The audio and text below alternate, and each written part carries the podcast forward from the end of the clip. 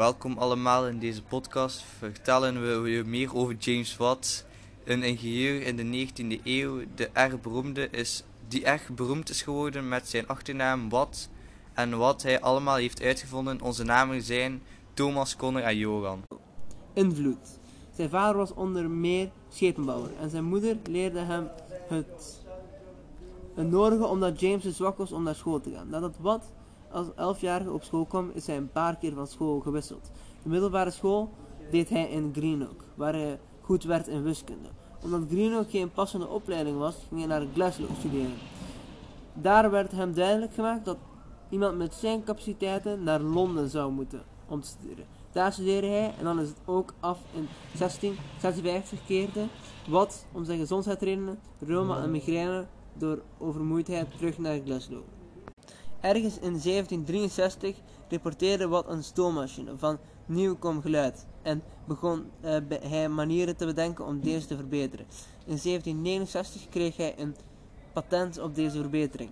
Een specifieke toepassing van de stoommachine van wat is te vinden op een stoomlocomotief, waar hij in 1784 een uh, patent op kreeg. In 1800 ging Watt met pensioen. Vanaf die tijd leefde hij in Hatfield Hall bij uh, Brigham. Hier overleed hij op uh, 25 augustus 19, 1819 op de leeftijd van 83 jaar. De ontwikkeling van de stroommachine. Er bestond in de tijd al stoommachines. Ze zo bouwde Thomas Newcomen in 1712 een stoommachine voor het openen van water uit de mijnen. Het waren po pogingen om met stoomarbeid te verrichten.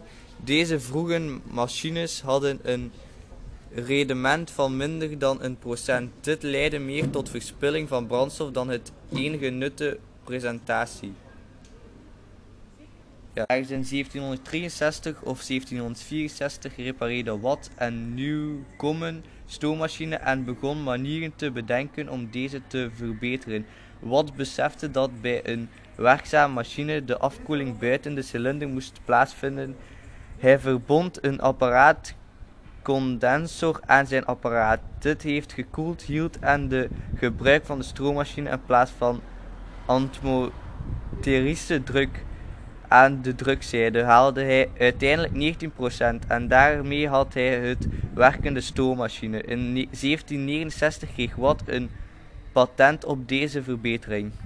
Matthew Bolton, eigenaar van de grote fabriek, gaf Watt opdrachten om stroommachines te bouwen. De eerste Watt stroommachine werd een groot succes in 1774 begon Bolton en Watt gezamenlijk een bedrijf in Soho in plaats bij Brigham waar ze de verbeterde stroommachine produceerden. Men kan stellen dat wat hiermee de industriële revolutie mogelijk maakt, die het leven van de mens op aarde onneemkeerbaar veranderd heeft. Tot die tijd werd nog vrijwel alle energie geleverd door menselijk, dierlijke en spierkracht. Het grote voordeel ten opzichte van de al welbekende watermolens en windmolens was de energie nu beschikbaar kon zijn op een in principe elke gewenste tijd en plaatselijk. Invloed.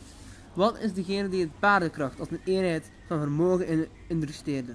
Voor het klassificeren van de stoommachine zijn versie van de eenheid komt eh, overeen met 550 voet per second. 735,5 watt. Later werd de eenheid eh, van vermogen in het SI-systeem naar hem genoemd. 1 watt is 1 joule slash seconde. Een gloeilamp van 60 watt, dus elektriciteitsenergie om het licht van warmen met een tempo van 60 joule per, per seconde.